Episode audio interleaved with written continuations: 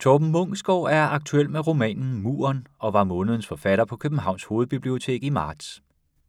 Filosof Jon Auring Grim fra Eksistensfilosofisk Akademi taler med Torben Mungsgaard om, hvad det vil sige at vende ryggen til verden, mure sig inde og meget andet. Torben Mungsgaard læser op af muren, tilsat kølige synttoner fra Jons hånd. Velkommen til månedens forfatter arrangement i marts. Månedens forfatter står lige her. Han hedder Torben Mungsgaard. Han står med sin mur i hånden, øhm, som vi skal høre noget fra. Jeg vil bare lige sige en lille smule om formen, øh, og noget om, hvad det er at være månedens forfatter på Hovedbiblioteket. Det er sådan, at øh, det er ikke kun et arrangement. Månedens forfatter, i det her tilfælde Torben, får også lov til at anbefale sine favoritværker, som man kan se øh, udstillet op på første sal, på vores hjemmeside, på vores sociale medier.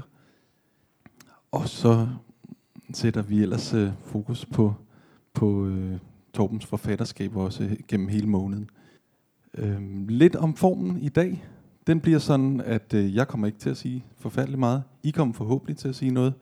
Øh, men til at starte med, øh, har vi inviteret Jon Auring Grim med på scenen. Han øh, er også på scenen hver mandag med øh, vores øh, filosofiforelæsningsrække, Eksistensfilosofisk Akademi. Han er filosof, ligesom Torben er uddannelse. Øhm, og de to vil først performe, det vil sige, Torben læser op, Jon akkompagnerer, og siden vil I samtale om bogen, og så er der åben for spørgsmål fra jer i øh, sidste del af arrangementet.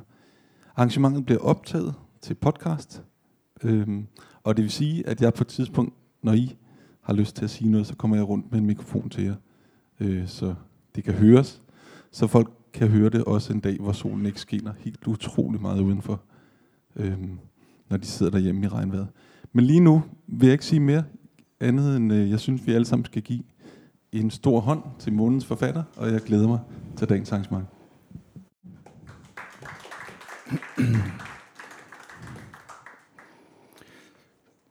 Jeg hører ikke til i det offentlige rum.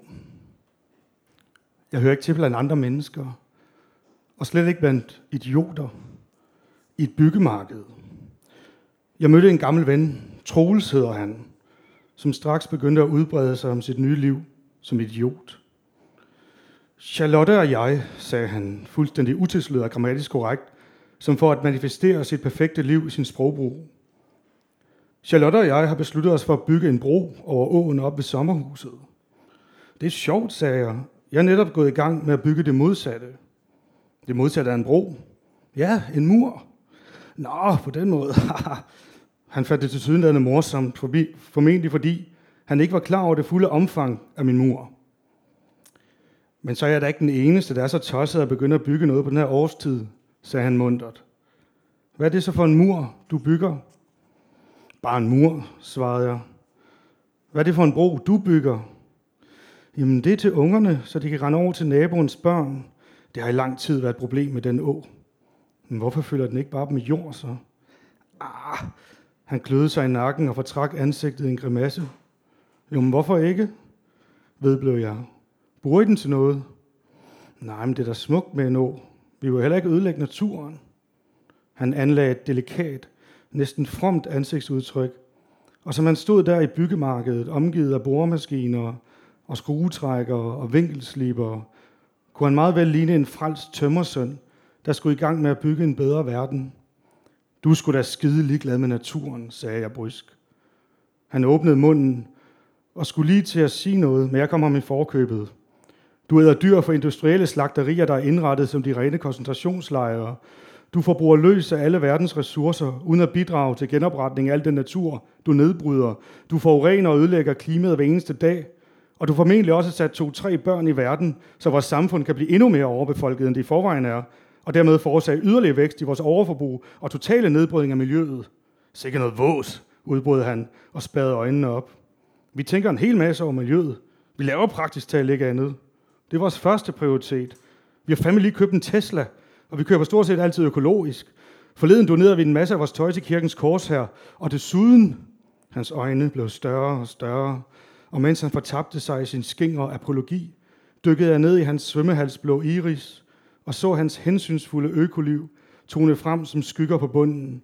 Hans kone med gyngende malkeberedte tyrolerbrister i bæredygte balkonette-BH og en højpoleret blåbærtærte i favnen, storsmilende og friblødende foran deres lille idylliske sommerhus i Sverige, mens deres børn, sunde og paraplyvaccinerede mod alt fra dysleksi til social forbi, løb rundt og råbte mor og far og mor og hurra, og alting duftede rent og blødt af skyllemiddel, hele verden, hele den familiære verden med far, mor og børn og kvalmende kærlighed duftede af den livligste, giftigste bamseline. Desuden laver Charlotte alt vores rugbrød fra bunden af, sagde han og slog frustreret ud med armene. Undskyld, Troel, sagde jeg og klappede ham hurtigt på skulderen. Jeg bliver nødt til at smutte. Tak for snakken. Fuld af fornyet energi tog jeg min vogn og skyndte mig i retning af afdelingen for byggemateriale.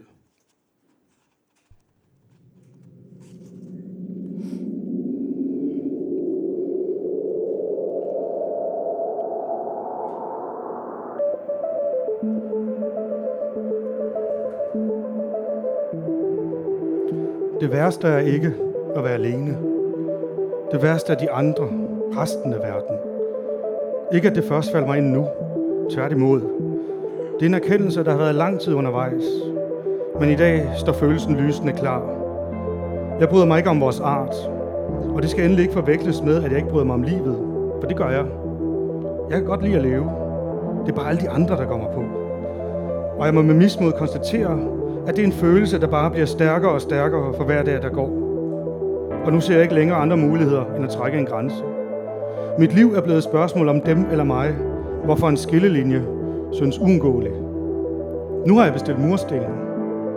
Som jeg fortalte dig forleden, har jeg allerede cement i rigelige mængder, og byggefærdighederne har må jeg lade op til min ihærdighed. I forgårs kom min nabo forbi. Hun er en sirlig kvinde med udstående, mørkrandede øjne, som altid grænsker mig indgående, mens hun taler.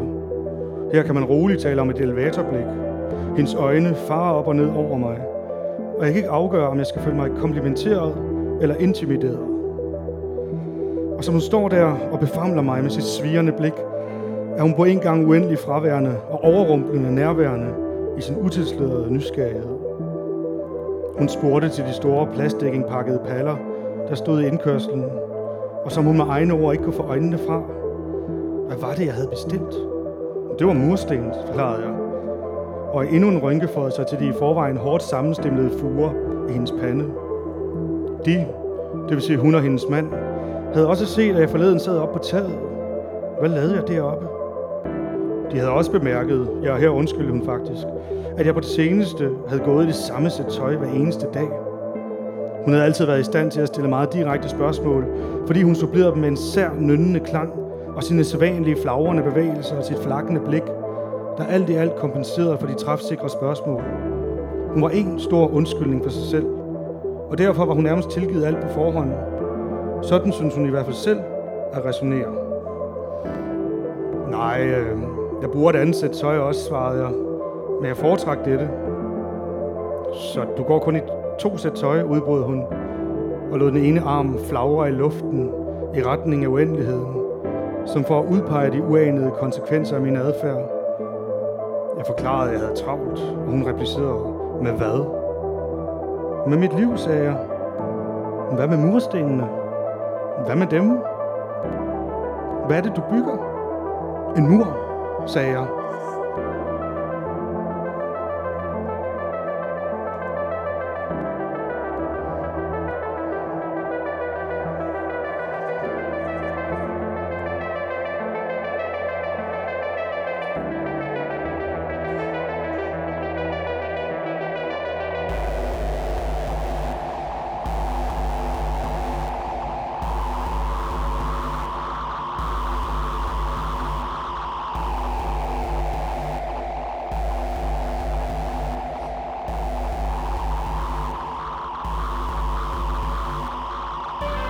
En blodtørstig egoist.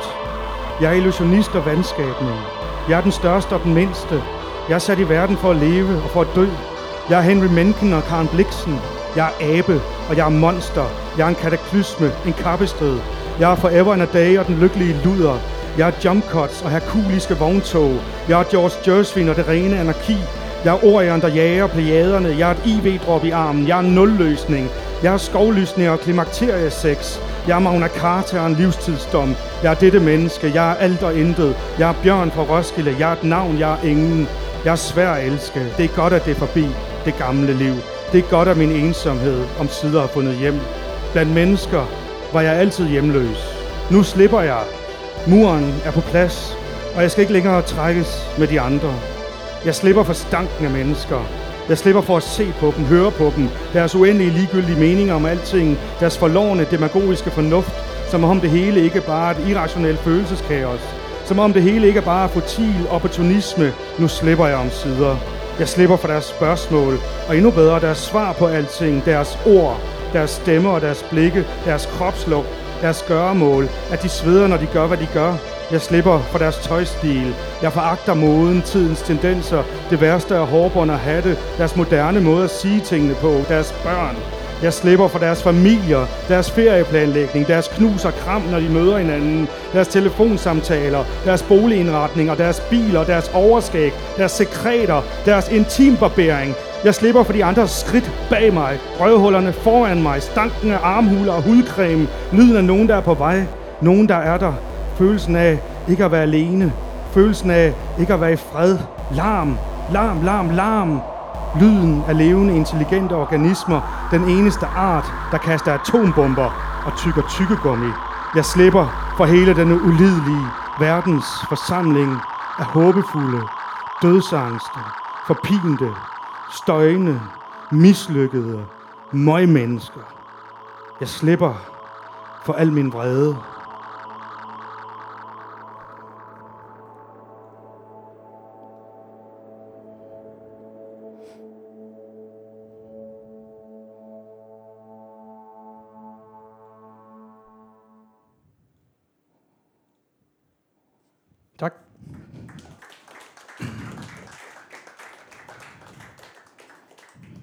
Hej.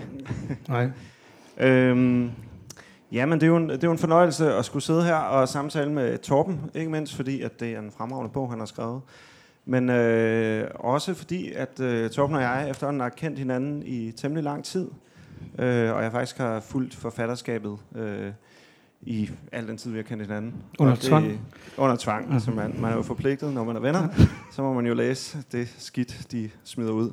Men øh, det har været en fornøjelse, øh, og derudover, som I fik en lille demonstration på her, så har vi jo også øh, arbejdet sammen omkring at sætte øh, noget lyd til, til dine tekster. Øh, og det er ikke første gang, vi gør det. Øh, men det var faktisk øh, den vej, jeg fandt ind på hovedbiblioteket her, så det var meget sjovt for et par år siden.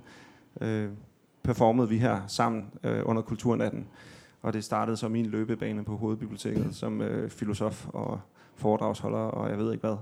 Så, øh, så det er jo meget sket. Øh, og nu har vi jo så fået fornøjelsen. Øh, det var så også derfor, det var rimelig naturligt, at valget faldt på mig, da vi skulle finde ud af, hvem der skulle snakke med dig om den her nye bog, øh, Muren, som jo ikke er så gammel nu, så jeg ved ikke, om I har haft mulighed for at læse den, øh, men det kan varmt anbefales. Øh, jeg har læst den. Men det kan være, at du vil starte med at fortælle om, hvad muren i det hele taget går ud på. Ja, altså vi kan jo starte med sådan det handlingsmæssige, øh, som helt kort fortalt, jeg kan godt lide, når mine bøger har sådan en, en, en klar ramme. Øh, en mand, der bliver yngre, en mand, der bliver en anden mand. Altid en mand, der, der det går galt for på en eller anden måde. Her er det en mand, der, der bygger en mur rundt om sit hus. Øh, og det her sted kommer af, at øh, han bliver forladt af sin kone, som øh, under forskellige omstændigheder ender med at og, og ja, skride fra ham, mildest talt. Og øh, han øh, bor i det her parcelhuskvarter, hvor man kommer hinanden meget ved. Det slipper vi her for inde i, inde i storbyen, hvor vi kan være anonyme i fred. Men øh, han har tidligere haft et fint forhold til sine naboer. De, er, de har alle været de her nyrige øh, libertiner, som havde en, en usædvanlig optur i starten af nullerne. Øh, de holdt mange store orgiastiske fester og morede sig på forskellige overfladiske måder. Øh, og, og det venskab, som de har, det nu siger jeg overfladiske måder, det er ikke for at være fordomsfuld, men i den her udlægning, der viser det sig ikke at kunne, kunne bære øh, i længden. Bjørn, han har ikke lyst til at tale med andre, og går så i gang med det her projekt, som på den ene side er en, en slags sovebearbejdelse. Han, øh, vi kender alle det her med, hvis man har det mindre godt, så kan andre mennesker sådan meget intimiderende spørgsmål, de kan, de kan, dem har man ikke lige lyst til i, i den situation. Men han, det er også samtidig, øh, et, et, han får et nyt projekt. Han er, sådan, han er tidligere iværksætter og en meget entreprenant type, og lige pludselig, da han begynder på det her, så får han noget nyt at, at fylde sit liv ud med. Og det er, det er en protest mod det fællesskab, han er en del af. De andre for deres vedkommende, de, øh, de bliver voldsomt provokeret af, af den her mur. Han mener, at han har ret til at bygge en mur på sin grund. De mener ikke, de har pligt til at kigge på en mur. Det er et sted lige øh, i Roskilde, lige med udsigt ud over fjorden, og han ødelægger deres gode udsigt. Det er sådan den umiddelbare forklaring fra deres side. Øh, man fornemmer måske, der stikker lidt dybere under, at øh, det her med at bare melde sig ud af fællesskabet, det provokerer mange mennesker. Man føler måske, at vedkommende hæver sig lidt over de andre. Der er en arrogance forbundet med lige pludselig ikke at tale med nogen mere. Og måske et lag dybere er der måske øh, en fornemmelse af, at, at Bjørn har fat i noget. At det fællesskab, som, som de havde, øh, ikke var holdbart nok, at det var tomt. I hvert fald så øh, indleder de en, i starten en, en, en nabokonflikt, kunne man kalde det, som langsomt optrapper. De prøver først med forskellige juridiske hjælpemidler, er det overhovedet tilladt, og hvor høj må muren være, og det ene og det andet. Og da det ikke øh, lykkes at, at få bukt med muren på den måde, så udvikler det sig til en regulær nabokrig, hvor de... Øh, ja, nu, nu er der en anden mand i verden, som også er i gang med en mur, og et andet sted på, på den anden side af Atlanten, og han bliver tit forbundet med det, man kalder alternative fakta, eller alternative sandheder. Og det, det kaster de sig også ud i. Øh, eller til sydenladende i hvert fald. Nu vil jeg ikke afsløre for meget, men man ved ikke helt, om det er rigtigt de rygter, som de tager op. Og, men de bruger dem i hvert fald mod Bjørn. Men det, det er jo sjovt, fordi han, øh, man får tydeligt øh, det der indtryk af meget tidligt i bogen, at det, at han vælger at bygge en mur og skærme sig fra omverdenen, det er simpelthen et ekstremt brud på den her øh, normalitet, eller den her, øh, man kan sige, usagte konsensus, der er på, på den her villavej. Ikke? Altså, øh, det går sgu ikke. Øh, en ting er, at den skæmmer og er grim, men det er nærmest en formalitet, og man så lever op til regulationerne for, hvor høj en mur må være, og hvor høj en flagstang må være. Der er også et, et fint møde, hvor de diskuterer højden på flagstangen. Det, det er for så vidt... Øh, øh, en del af det, men øh, det er snarere en, en eller anden form for usagt konsensus, fornemmer man i hvert fald, at det der med at melde sig ud, ikke ville være selskabelig, ikke komme sine naboer ved, det, øh, det går simpelthen ikke, fordi hvad... Øh, og, og, og det er jo klart, det er jo også en, en form for blottelse. Det fornemmer man også tydeligt ved de her naboer, der, der vælger at reagere på den her mur. Øh. Bestemt, og det, altså, der er jo en, der er en scene, hvor øh, naboen Paul kommer over og begynder at, at konfrontere Bjørn og siger, det kan du jo ikke det her. Og Bjørn bliver ved med at sige, jo, jeg kan. Der står ikke noget i Grundejerforeningens vedtægter om det her. Der står ikke noget i, i lovgivningen. Og han bliver ved med, det kan du jo ikke. Det kan du bare ikke. Og det, der henviser han jo til de her uskrevne moralske fællesskabsprincipper, at man melder sig sgu ikke bare ud af fællesskabet. Altså det er, det er en voldsom provokation for alle. Ikke? Og der er en... Øh, altså, der er den her altså, det er både en, en altså, hvad skal man sige, det, det er en uskreven regel, og så, er der, så bliver det også sådan et våben mod Bjørn. Altså, det, der er sådan en, det værste våben mod ham bliver faktisk det her, men vi vil jo bare hjælpe.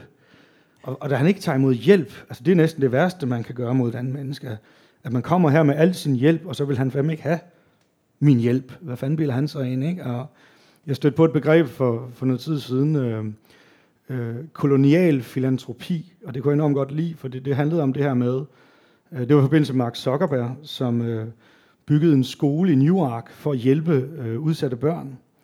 Men han endte med at blande sig så meget, at det mislykkedes fuldstændig det her projekt. Altså han koloniserede øh, andres værdier med sine egne værdier, fordi han ville bestemme alt. Og jeg er lidt inspireret, der er faktisk et lignende skoleprojekt i muren, som er inspireret af, af Zuckerbergs projekt her. Men det her med, at man under dække af at vil hjælpe, i virkeligheden prøver at tvinge sine egne værdier ned over et andet menneske. Man koloniserer dette menneskets kultur og værdier.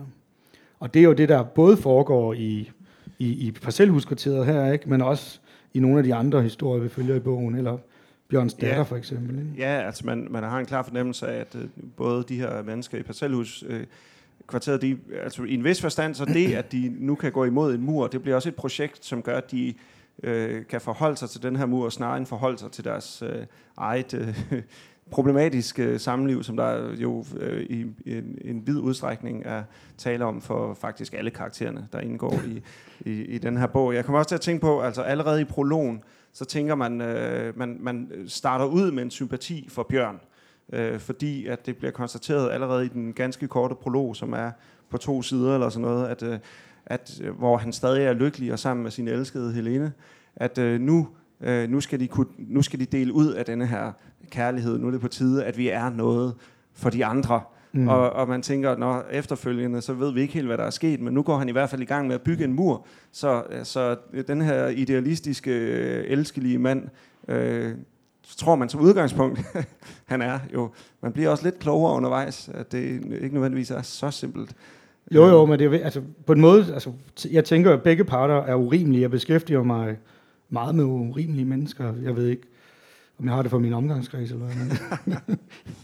men nej, jeg, jeg, det, er jo, det er jo et godt udgangspunkt for en konflikt øh, i, en, i en fortælling. Og, men, men egentlig, så prøver jeg også at, at ligesom, det bliver jeg nødt til at prøve at forstå dem og leve mig ind i dem. Ikke? Så, så selvom de øh, ud, øh, objektivt set er urimelige, både Bjørn og naboerne, så, så prøver jeg alligevel at forstå deres motiver. Ikke? Altså, ved at i hvert fald tage udgangspunkt i nogle følelser, som er fællesmenneskelige.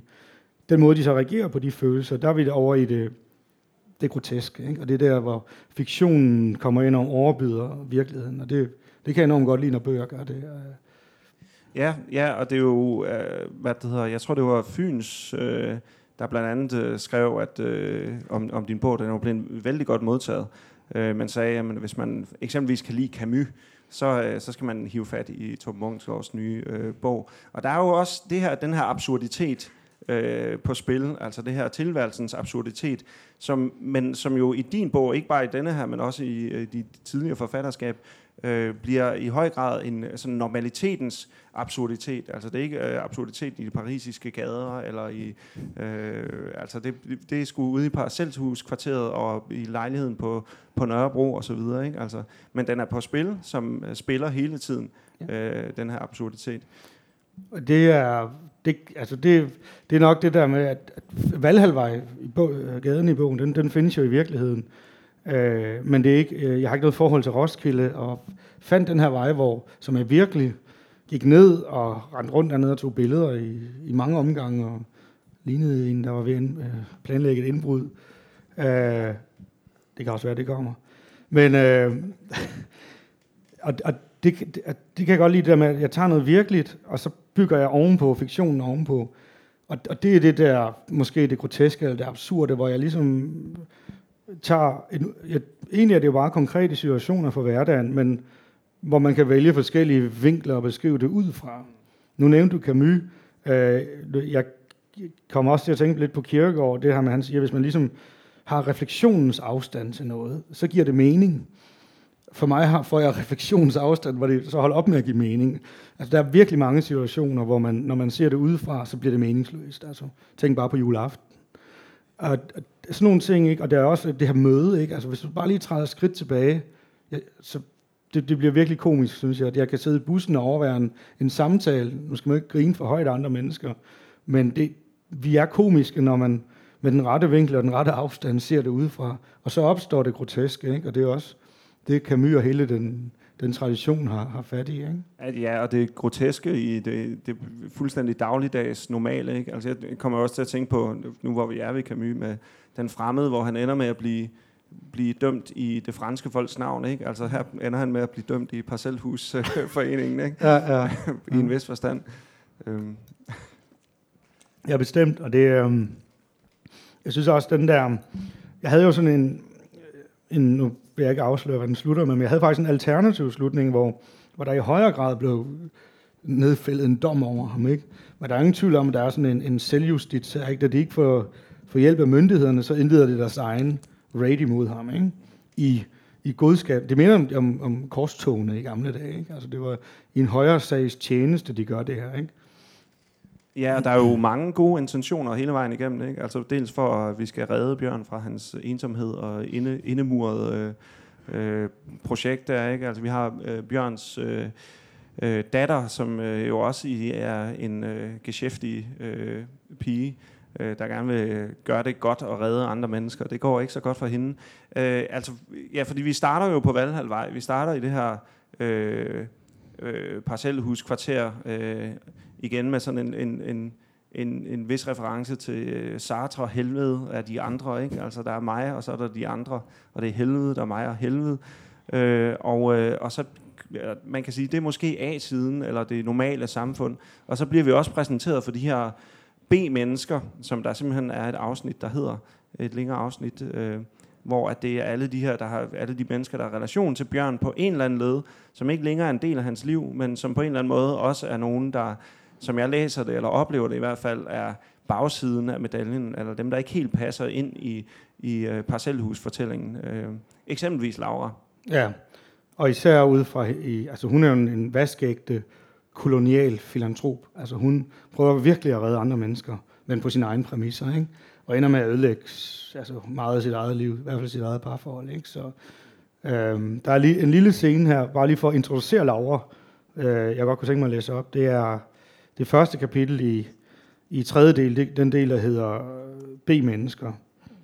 Og som rigtig nok, det refererer jo både til det her med, at de, alle kapitler hedder noget med B, at Bjørns datter, Bjørns ekskone og så videre. Så det, det er Bjørn mennesker, nogen der står i relation til Bjørn, men det er også lidt en, en B-historie i forhold til den overordnede, de bliver flettet sammen senere. Øh, og så er det også øh, under henvisningen til Lauras dom over andre. Øh, ingen kan komme så tidligt op om morgenen som hende. Den skal bare byttes, udbryder hun, med et pludseligt skift i tonefaldet, der får ekspeditrisen til at fare sammen. Øjeblik, så skal jeg se, hvad jeg kan gøre, siger den forskrækkede ekspeditrice, der er mindst et hoved højere end Laura, og hvis perfekte kropsbygning vidner om gode gener og næringsrig kost. Laura kommer til at tænke på sin mor og bliver irriteret. Hun er vokset op med frostflakes og cigaretrøg. Nu hendes kvindelighed reduceret til en hentydning. Normalt bytter vi ikke, når emballagen er åben, siger ekspeditrisen, da hun kommer tilbage. Til sydlandet endnu højere, end da hun gik. Laura føler i hvert fald, at ventetiden har fået hende til at krympe sig mere krympe sig over sit vredesudbrud. Men når det nu er os, der har givet dig en forkert farve med, du må undskylde, jeg blev vred, siger Laura. Jamen, det er helt okay. Det er bare, fordi jeg var hernede og bad specifikt om den, der hed Chunky Cherry. Laura hører sig selv forklare hele historien igen. Fuldstændig lige den version, hun stykkede sammen for to minutter siden. Men det er helt okay. Ekspeditrisen trækker anden stavelse ud, hver gang hun udtaler sit okay, og Laura kan ikke afgøre, om det er sydsjællandsk eller bare almindelig generationsbetinget dogenskab i udtalen. Jeg tager bare den her, siger Laura pludselig, og langer ud efter den læbestift, hun var kommet for at bytte. Vil du ikke have den anden? Det er min egen skyld. Jeg skulle, bare jeg skulle have tjekket, inden jeg købte den. Men det er altså helt okay. Nej, jeg får bare dårlig samvittighed. Jeg kommer ikke til at gå med den. Jeg kommer ikke til at gå med nogen af dem. Jeg tager bare den her. Hun vifter med den foran den forvirrede ekspeditrice, stikker læbestiften i lommen og skynder sig at forlade butikken. Fik du den byttet, lyder det, da hun træder ind i lejligheden. Hej skat, fik du den byttet? Ja, ja. Hun går ud på badeværelset, tager læbestiften frem og smører noget på læberne. Nu er det for sent. Hvad synes du, siger hun, da hun træder ind i stuen. Den er fin, synes du? Ja, meget rød, meget fin. Er den for rød? Nej, det synes jeg ikke. Den er også til fest og sådan. Den er til hverdag. Men der er den også fin. Jeg ligner en luder. Johannes rejser sig. Nej, du gør der ikke. Den er for rød, siger hun, og går ud og tørrer læbestiften af. Da hun går ud i køkkenet, kan hun mærke, at han følger efter hende. Hun smider læbestiften ud, lukker køkkenlågen hårdt i og vender sig om mod ham. Jeg kan ikke holde ud at bo her mere, siger hun. Og det er jo øh, starten af deres forhold, han har sagt. Altså, men det, øh, øh hun bor sammen med Johannes i, i København, og da hun så på et tidspunkt øh, føler, at nu kan hun simpelthen ikke holde sammen på sit liv mere, så vil hun redde verden. Det vil hun løbende, vil jeg sige. Og ender med at invitere en hjemløs hjem og bo hos dem. Og ham, han er så stiknarkoman, og de, de er notorisk lidt svære at redde, men, og han retter sig heller ikke ind efter hendes, hendes krav, så det hele ender med, at alt øh, faktisk går lidt i vasken for hende. Ja, og det, hun er jo et meget godt eksempel på øh, de her gode intentioner, øh, som, som præsenterer sig flere gange i løbet af, af bogen. Øhm, og det er jo også, altså på forskellige måder i løbet af bogen viser det her murmotiv sig jo. Ikke? Altså der er selvfølgelig helt konkret Bjørn, der murer sig inde, bygger mur omkring sig selv i en meget fysisk, konkret form. Ikke? Men ellers er vi jo også konfronteret på mange forskellige øh, Øh, ledere kanter med, med muren som tematik i de selvfortællinger, der gør sig gældende. Og nu ved jeg jo, øh, jeg har jo lidt insider og viden, jeg, jeg kan huske, at du engang fortalte mig for et, for et års tid siden, at du var i gang med at skrive en, en bog, der hed Parceller, eller Parceller, ikke? Altså, og, og den her isolerede, øh, de her små isolerede celler, øh, man dannede rundt om, omkring, øh, synes jeg stadigvæk, at der er reminiscenser af, reminiscenser af, af, af, af det motiv i, i bogen undervejs. Ikke? Altså de her forskellige murkonstruktioner, der gør sig gældende øh, på mange forskellige ledere og kanter. Altså der er både en svada til, hvordan vi konstruerer vores identitet på Facebook, og der er en svada til, hvordan vi... Øh, øh, ja, der er flere forskellige steder, der er mange der mure, gældende, ja, mentale Altså, mure, ikke? ja. På Facebook, altså på engelsk er det jo det er også en wall, ikke? Altså det, det er også en, en, en, en, hvor man murer sig inde bag en, en konstrueret identitet, ikke? Det minder jeg også om, kan man sige. Um, og det, er jo også, øh, det er jo også et motiv, du har været omkring i øh, tidligere i dit forfatterskab, ikke? Altså det her spil på identitet, blandt andet i virkeligheden, hvor vi hele tiden kredser om en, en begivenhed, men med alle mulige andres blikke. Og får vi nogensinde den fulde fortælling omkring det? det der er lignende, der er nogle beslægtede greb i hvert fald i, i, i denne her bog, ikke? Altså hvad er det, der sker inde bag denne her mur øh, egentlig? Hvor, hvorfor bliver den bygget, og hvad, hvad sker der derinde, ikke? Altså den fortælling, vi må konstruere for os selv, for at forlige os med, at sådan noget sker, som vi ikke kan acceptere, og som endda engang står i, i regulationerne i Grundejerforeningen, eller sådan noget, så er, det, så er vi jo helt ude af skide. Ikke? er der ikke noget øh, identitetsregulativ, det er rigtigt. Øh, og jeg, jeg synes jo, at, at, at netop i forlængelse af det her med identitet, som rigtig nok går igen i mange af mine bøger, altså i hvert fald folk, der søger efter en eller anden identitet i, i en meget fragmenteret, moderne virkelighed, der øh, udvikler det sig jo også til en, en, en dannelsesrejse, altså meget sagt, fordi en dannelsesrejse skulle gerne slutte godt, det gør de sjældent, men en udviklingshistorie i hvert fald, hvor de gennemgår en, en udvikling. Ikke? Øh, I min første bog, Retrograd, var det en mand, der lidt eller Bjørn får en midt, midtlivskrise, og beslutter sig for at begynde at blive yngre, altså også at, at udfordre sin egen identitet. Bjørn, han, øh, han er jo på en måde en mere resinerende, ikke? fordi han ligesom bare lukker af og går i stå. Ikke? Altså han, men, men, men for ham er det også et, et enormt opgør med det liv, han har haft tidligere, som har været utroligt øh, øh udviklingsrigt. Han har levet i et meget højt tempo før. Ikke? Så for ham er det også næsten er øh, refleksionen og kontemplationen og ensomheden. Det er, et stor, det er en stor revolution for ham. Ikke? Øhm, og han siger også på et tidspunkt, at, at den her mur, den, han bygger den han bygger den til de andre. Det er dem, der får en mur. Jeg for mit vedkommende ligger på ryggen og kigger op i himlen. Så det er, han murer dem ude, han murer ikke sig selv inden. Og det, det er jo et virkelig øh, interessant motiv, som altså dels bliver tematiseret i... Du starter simpelthen bogen med at, at citere øh, Frank Jæger. Øh, så stor en ing at være ene på, ikke? Altså, og Altså, det synes jeg er ret interessant i forhold til, jamen så bliver vi sgu nødt til at bygge en mur, så at vi ikke har så stor en at være ene på. øh, det er den ene øh, ting er det. Den anden er, at øh, vi på et tidspunkt også møder Lauras kæreste, øh, som øh, får sig en, øh, øh eller indleder en affære med en, øh, en færøsk pige. Og hun, øh, deres første møde fortæller hun... Islandsk, øh, måske. Ja. Islandsk, ja, undskyld. Jeg, ja. Nå ja, det er veninden, der er færøsk. Sorry. Øh, øh, men i det første møde, så fortæller hun om de her, øh, simpelthen om atomer, der øh, isolerer. Kan du prøve at forklare det billede? For jeg synes, det er ret godt, og jeg synes, det siger meget, altså det, det er et eller andet, man kan sige, et kvantefysisk billede, som lige pludselig bliver et normativt billede på, hvordan at vi må betragte, isolere os selv for at blive frie. Øh, det er et ret spændende billede, synes jeg. Det, det, det er en, en teori, en rimelig langt ud teori fra øh, det, man kalder philosophy of mind, eller øh, bevidsthedsfilosofi, hvor man prøver at forklare den frie vilje øh, og konsultere i den sammenhæng kvantefysikken, hvor man har i hjernen fundet sådan nogle små isolerede celler, man kalder mikrotubuli, som er fuldstændig varmeisolerede, hvor kvantespring kan forekomme upåvirket, altså uden nogen årsag. Og det har man som givet som et bud på, eller nogen har, øh, den frie vilje. Øh, og det er jo så igen det her med isolerede celler. Og det, og det er jo et mærkeligt bud egentlig, at man tænker, noget, der sker fuldstændig tilfældigt, det er frit.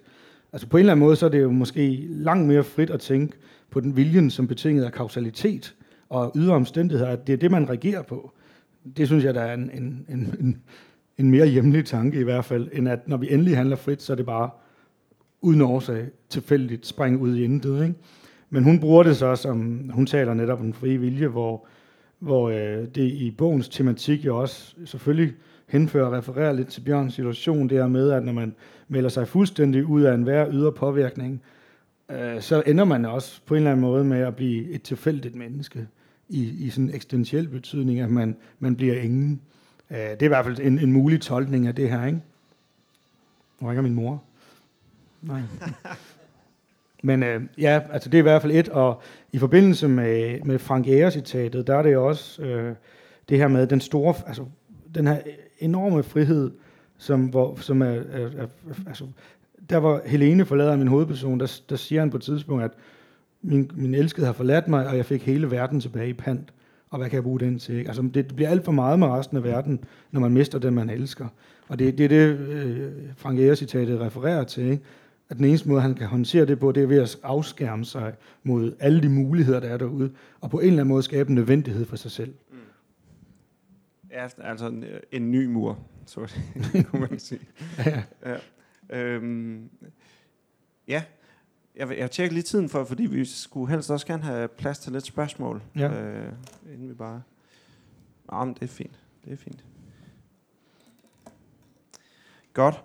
Øh, jamen så... Øh, noget, som jeg tit har tænkt på, når jeg har læst anmeldelserne af dine bøger, det er, at der ret ofte bliver fremhævet, at du er sjov.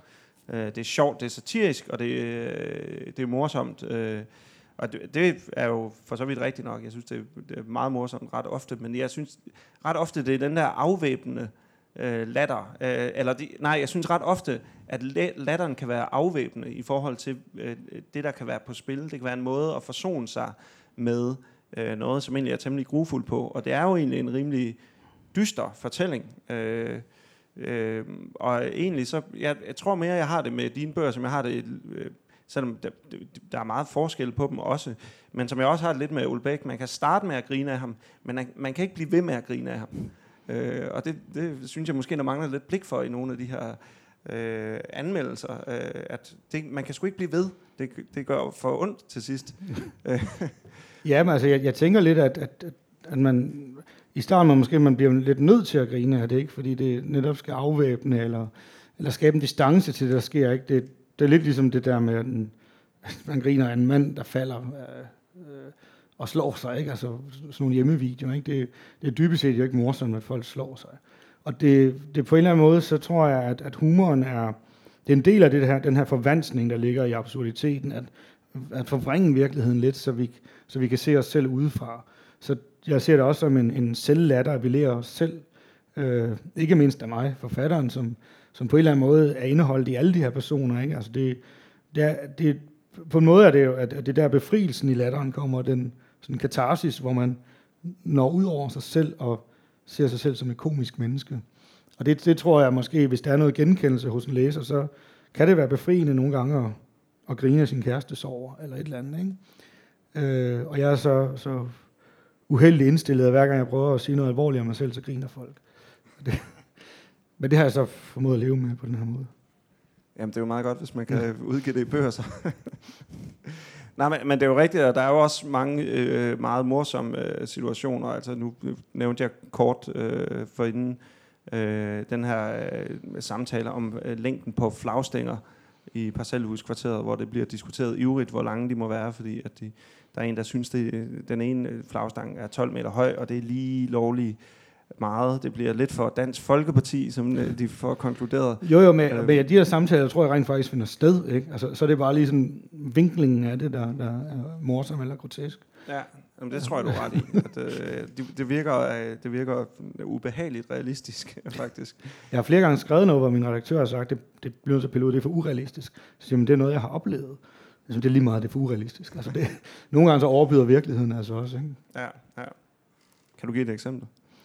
Jamen, det var øh, en, øh, en, hvad fanden var det? Det var, jamen, det er noget tid siden. Det var en, øh, en læge, jeg brugte i en bog, som øh, jeg var hos lægen, og så, jeg kan ikke engang huske, hvad jeg fejlede, men jeg kan bare huske, at jeg skulle selv google det. Altså, det synes jeg var utrolig morsomt, det der med, at man bliver sendt hjem fra lægen. Altså, det må være velfærdssamfundets opløsning, ikke? at man selv skal finde ud af, hvad man fejler. Øhm, det mente min redaktør ikke, at nogen læge ville kunne finde på. Så, så det var det. Ja, jamen øh, er der nogle spørgsmål? Så tænker jeg, at vi også vil åbne, eller øh, åbne gulvet lidt.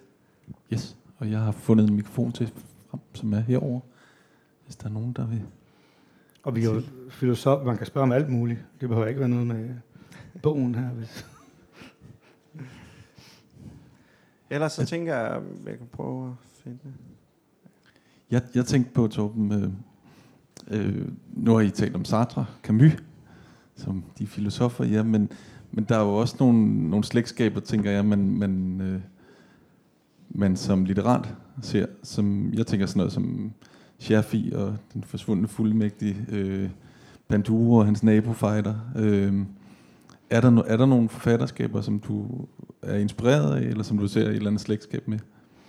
Ja, der, det er sjovt, du nævner Scherfi. Det, det var faktisk en, den slutning, vi oprindeligt havde, den mindede for meget om øh, slutningen i den forsvundne fuldmægtig. Så jeg endte med at lave den om, også af andre grunde. Øh, men jeg genlæste den forsvundne fuldmægtig, efter jeg havde skrevet den her, på min redaktørs anbefaling, og der kunne jeg, sidst jeg læste mig i gymnasiet, tror jeg, og det var jo før Falklandskrigen. Så det her, det var altså, en, en, der var en åbenbaring, der har ligget og simret derinde på en eller anden måde. Ikke? Øh, men ellers synes jeg, at mange af dem, tit er det sådan, faktisk noget, jeg læser i anmeldelser, hvem jeg minder om, og så kan jeg godt se det. Øh, Willy Sørensen bliver også nævnt, og, og nu nævnte du Ulbæk, Bæk, som jeg også Altså, jeg ved ikke om... Altså, tit bliver man inspireret af nogen, men vinder, minder måske ikke så voldsomt meget om det. En, som jeg har, har læst rigtig meget, da, mens jeg skrev den her, er Jonathan Franzen, og hans måde ligesom at lave de her meget indgående psykologiske portrætter, som, som er, bliver så næsten, altså, man kan næsten holde ud og læse om de personer, så godt lærer man dem at kende. Ikke? Og, og det, det er jo lidt det samme, ikke? At jeg vil gerne have mine personer helt lavet, hvor man som læser næsten sidder og har lyst til at slås med dem. Ikke? Så det er i hvert fald nogle af dem, jeg læser, jeg har læst meget, mens jeg har skrevet den her bog.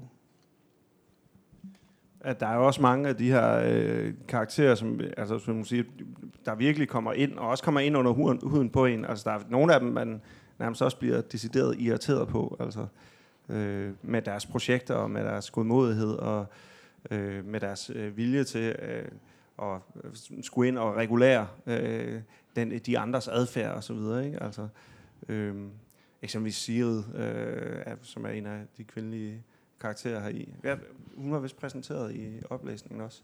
Ja, det er øh, hende, der kommer over øh, i starten, der er, som er gift med Paul, som jeg også nævnte før. Og der, jamen præcis, og det er netop det der med, at mine personer bliver sådan, ah, det bliver sådan lige, kæft, for, det er lige lidt for meget, ikke? Og, og, og øh, sådan en som Laura, og, ja, og jo også Bjørn på alle mulige måder, ikke? Altså, fatter man en sympati, så, så på en eller anden måde, så udnytter han næsten en sympati til at drive den for langt ud. Ikke? Øhm, og det, øh, ja, det kan jeg nok godt lide at, at skrive, skrive den ud, hvor, hvor øh, man ligesom afprøver deres personligheder, hvis man kan sige det sådan. Ja. Tak. Øhm, da jeg kiggede på sætningen deroppe, et brag af en samfundssatire, der blev jeg faktisk lidt irriteret fordi jeg tænker, at det er dødsens alvor. Og øh, jeg, jeg identificerer mig selv meget med Bjørn. Kan jeg, jeg har ikke læst bogen, men det er tydeligt. Ved, og der var en gang, jeg, øh, ved du, jeg simpelthen lod, jeg byggede ikke en mor, men jeg øh, tog ud på et psykiatrisk center, fordi jeg simpelthen ikke kunne holde de andre ud mere, eller havde det ligesom Bjørn. Og det sidste, jeg havde skrevet i min notesbog, kigger jeg på bagefter, det var idioti hersker. Fordi, og det er simpelthen, så jeg tænkte på, om, hvad der ligger bag valget at skrive en øh, roman i forhold til at skrive ja, noget, der ikke er en roman, eller komme ud med dit budskab på en anden måde, og hvordan man, om det har noget at gøre med, om du når ud til flere øh, andre mennesker ved at skrive en roman, som kan opfattes som satire, eller om og hvor, hvor meget du tror på, at du kan ændre den, de idioter, du, Bjørn i hvert fald, og lidt dig selvfølgelig, ikke kan holde ud, eller om du, du har opgivet, og så tænker, det eneste, jeg kan gøre, det er at skrive en øh, roman. For lige at tage det med, med humoren først i hvert fald, så, øh, så altså, jeg oplever nogle gange lidt det der med, at hvis man skriver humoristisk, så, så har det en tendens til at overskygge alt andet, som også kan irritere mig. Øh, jeg har sådan set ikke noget mod, at det bliver kaldt en satirisk bog, men, men jeg, jeg, er også, jeg er også bange for, når folk så læser, den, at de kun sidder og hungrer efter det sjove, ikke? Altså, fordi det, det synes jeg er ærgerligt, og det, det skæmmer for nogle af i hvert fald de andre ting, jeg gerne vil skrive, øh, altså den måde, jeg arbejder med mit sprog og min person og alt det her. Så det, det er både sådan, at det, det, er jo, det er jo fint nok, at man fanger satiren, men jeg synes, det har en tendens til lidt at overskygge øh, en anden læsning af bogen. Og det har jeg i hvert fald oplevet både med den og, og nogle tidligere bøger. Der var endda en, der var lidt utilfreds med, at min forrige bog slet ikke var sjov. Og så, så tænker jeg, det altså okay, så det, det, det er jo en ærgerlig, øh, at man bare bliver, så bliver jeg jo pausekloven, ikke? Og det, det, er- det håber jeg ikke kun jeg er. Det vil jeg også gerne være, men, øh, men øh, jeg håber også, at man kan få sagt nogle andre ting. Og det, humoren er jo også en forførelse. Ikke? Man forfører kunst ind i, i ens holdning og ens univers gennem humor. Øh, og til, til den anden del af de spørgsmål, i forlængelse af det, så tror jeg, at netop forskellen på at skrive romaner og sådan noget andet, det er, at hvis jeg skulle skrive en, en kronik eller et eller andet, så skulle jeg sådan stå moralsk inden for det, jeg skrev. I en roman, øh, og jeg synes jo faktisk, at bøger og, og anden kunst, det er faktisk det eneste sted, hvor, har, hvor vi har hele mennesket. Alle debatter på, på Facebook og debatindlæg og sådan, der, der skal man på en eller anden måde stå moralsk inden for det, man skriver. Man kan ikke, altså, jo, det var et sjovt eksperiment, men man kan ikke skrive en løgn, og man kan ikke skrive noget, man ikke mener. Her, der, kan jeg, der kommer jeg, mine personer er ikke moralske mennesker, de, de er menneskelige mennesker. Jeg kan skrive om det mest urimelige person, og det, det må man jo sige, jeg udnytter til fulde, ikke? Og der, der kommer jeg jo også personligt af med noget, kan man sige, ikke? Øhm, det er nok for meget sådan at kalde det ligefrem terapeutisk, men det er i hvert fald en, øh, en, en utrolig god drivkraft i bøgerne, at jeg kan, at jeg kan jeg netop være urimelig og ikke skal stå til moralsk ansvar for mine personer, at de kan gøre, hvad fanden der passer dem stort set. Jeg har selvfølgelig et, hvad skal man sige, et litterært ansvar at prøve at få bogen til at fungere, men, men personerne kan, kan mene, hvad de vil, stort set. Ikke? Og så kan man også få udtrykt meget af det, som tror jeg er vigtigt i, i og det frirum bøger kan være, at det som mange på en eller anden måde, måske ikke altid vil erkende, men noget man går med sig inde i sig, og, og måske endda skammer sig lidt over, så kan man finde identifikation i, øh, i, i mine personer, eller i andres.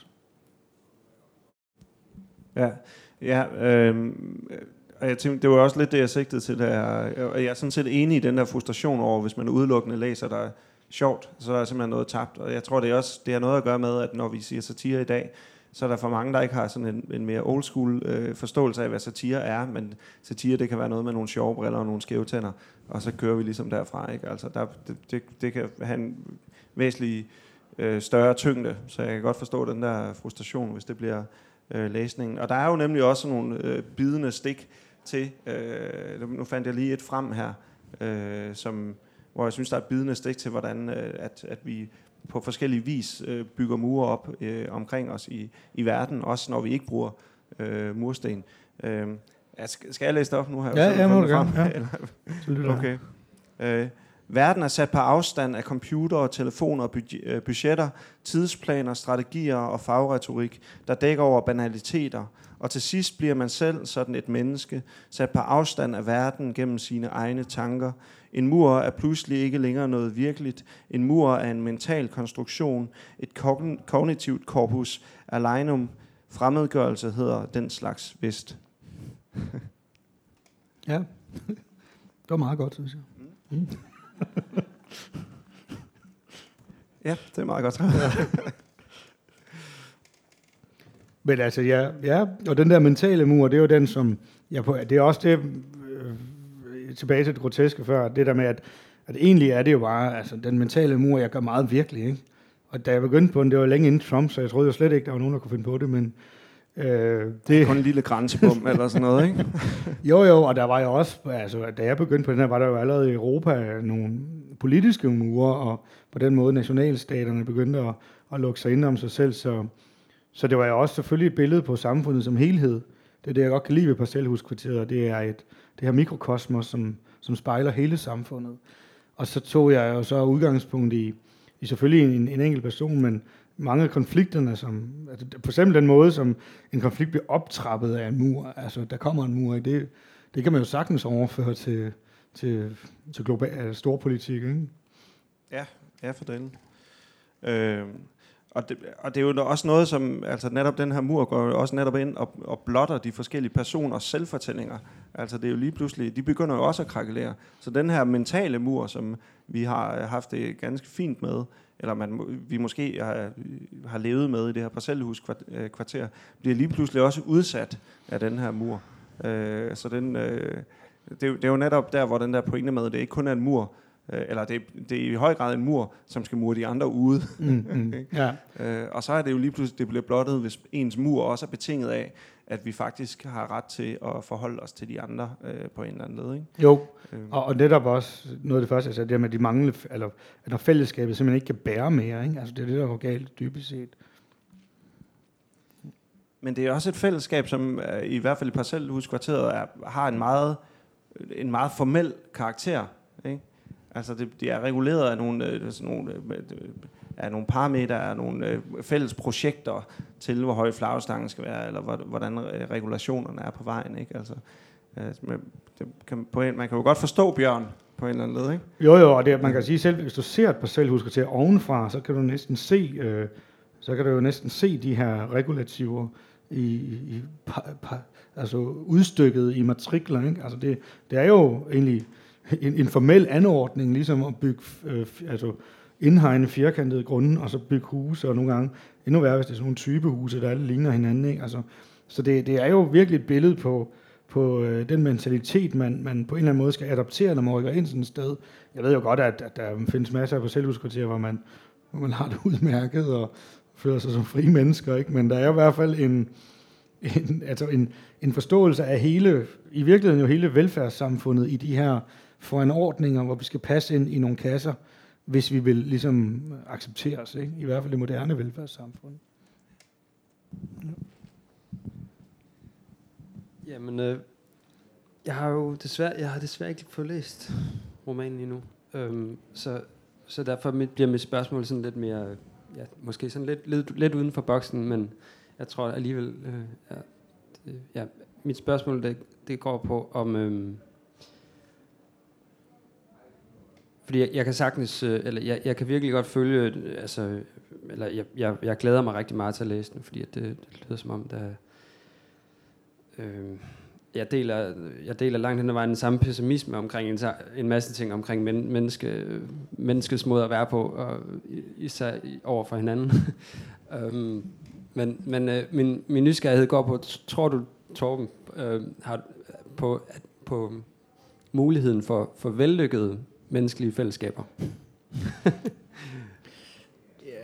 ja, altså det gør jeg jo, øh, men jeg tror ikke, de er vellykket i romaner, altså fordi så er man være færdig på side 2, ikke? Altså det var det, det var et lignende spørgsmål, jeg fik en gang, hvor en, en, jeg var ude øh, i forbindelse med en tidligere bog, hvor en spurgte, hvorfor alle mine, alle, alle mine ægtepar blev skilt.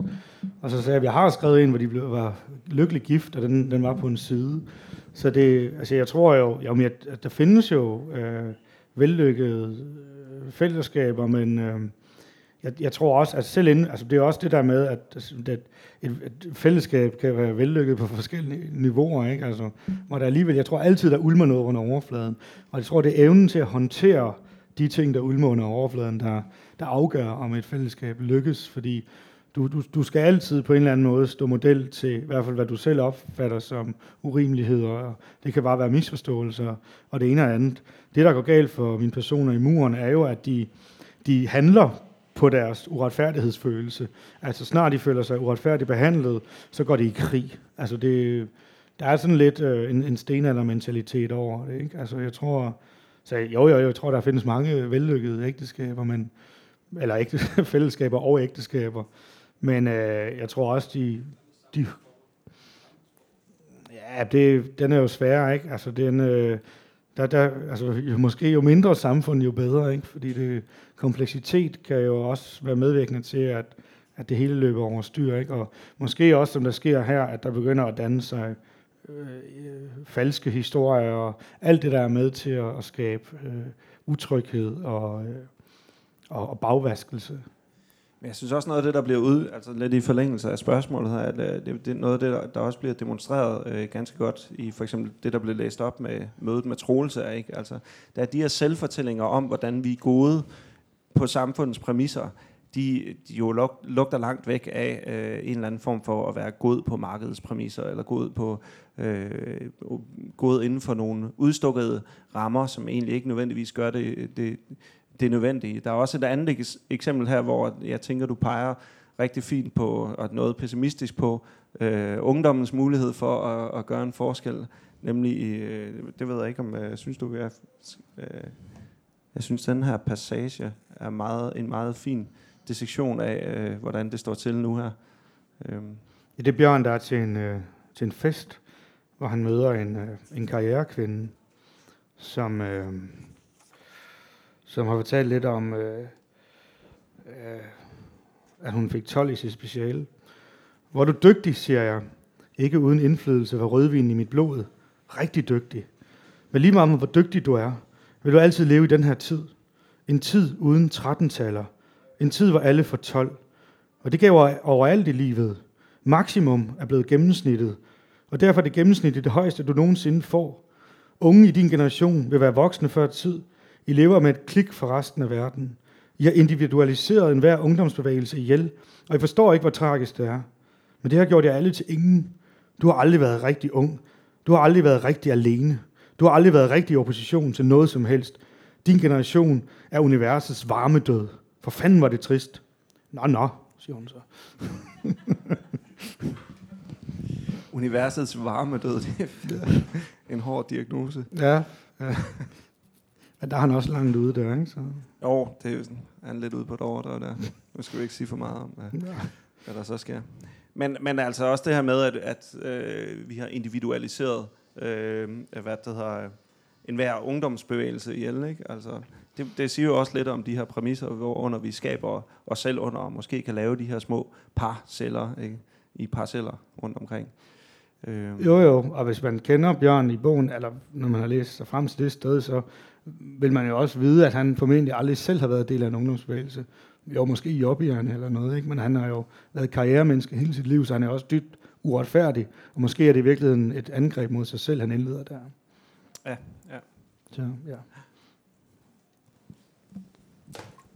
Jeg tænker, altså, de, der er et meget ja, overordnet pessimistisk syn på, på de mennesker, der figurerer i bogen. Altså, de er ikke specielt sympatiske øh, hele tiden, eller også kommer de til at gøre noget, hvor de ligesom kompromitterer sig selv.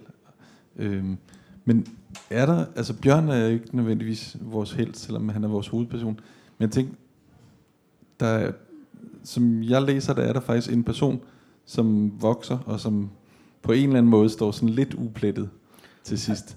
Altså, der er ingen tvivl om, både min og jeg ved også min redaktør sande held i bogen, det, det er Søren, som er den eneste, der faktisk reelt ender med at tage ansvar for sit eget liv. Øh, men han er jo en skygge af sig selv, da vi møder ham, og, og udvikler sig meget igennem bogen. Ikke?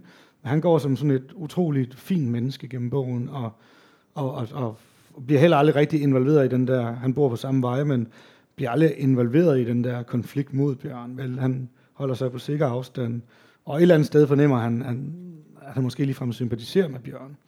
Men han var sådan en, en person, at hver gang der var, jeg skulle skrive om ham, og der var et kapitel, altså det var sådan helt vidunderligt sådan et, en, en helle, jeg havde der, hvor, hvor tingene for en gang skulle gik lidt godt. Ikke? Altså han, han holder utrolig meget af, så det, det er glad for, at vi lige fik nævnt ham også.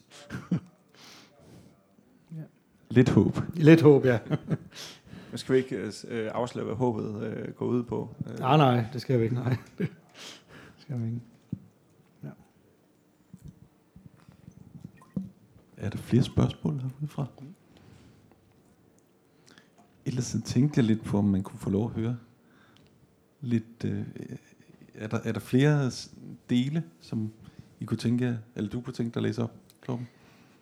Som en eller anden form for afrunding. Ja, ved, altså, vi snakkede lidt om et kapitel, jeg ved ikke, om det afslører for meget. Det, hvad siger du? Der er ikke musik til. Nej, der er ikke noget musik til det. Ja, det har vi ikke. Det, Det skulle jeg forberedt. så meget har Jon ikke lavet. Øhm, ja, det kan vi godt tage. Altså, det, det er et lille kapitel, hvor øh, en mand går ind i et supermarked. Han, har, han er epidemiolog, som er sådan en, der forsker i statistikker inden for lægevidenskaben. Og han har for vane at, at fremsige statistikker hele tiden. Øh, mange af dem fra Danmarks Statistik. Paul går nøgen ind i Kvickly på Algade. Han går hen og tager en vogn og bevæger sig ind i supermarkedet. Folk vender sig om og kigger efter ham. Han har ikke en travl på kroppen, men bevæger sig naturligt fremad, uden at lade sig mærke med det. Han begynder at fylde varer i vognen, chips, kød fra køledisken, mælk, lidt grøntsager. I vinafdelingen står han et øjeblik og betragter udvalget, da en medarbejder kommer hen til ham.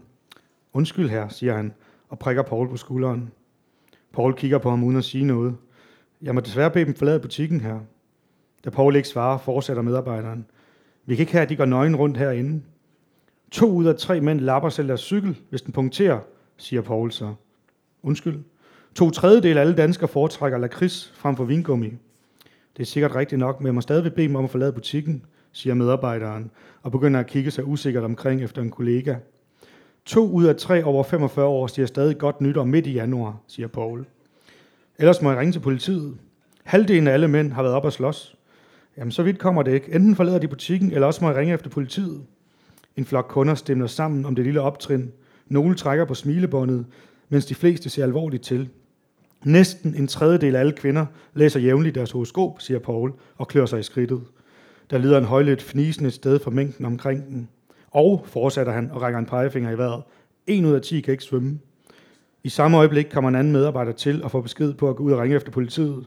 I Nordjylland har to ud af tre mænd prøvet at dræbe deres egen aftensmad, siger Paul. Så må de hellere følge med, med ud bagved, siger den tilbageværende medarbejder og tager Pauls arm. Men Paul river sig straks løs, og medarbejderen må gribe hårdere fat med det resultat, at den nøgne overlæge hæver stemmen og råber, på psykiatriske afdelinger har to ud af fem ansatte prøvet at blive overfaldet. Han slår ud med armen, uden at ramme nogen, men det lykkes ham at rive sig løs, hvorefter han sætter i løb ned gennem butikken mod kassen, mens han råber 100%, 100% af nogle idioter.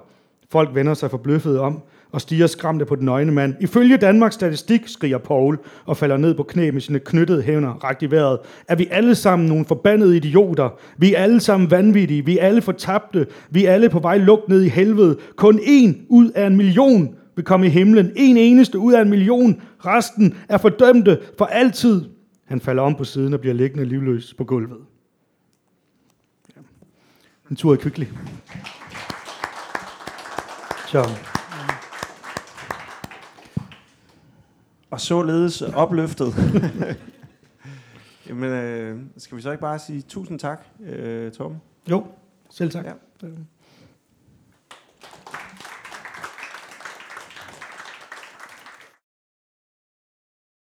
Du har lyttet til et podcast fra Københavns Biblioteker. Du kan finde flere podcast på bibliotek.kk.dk/lyd.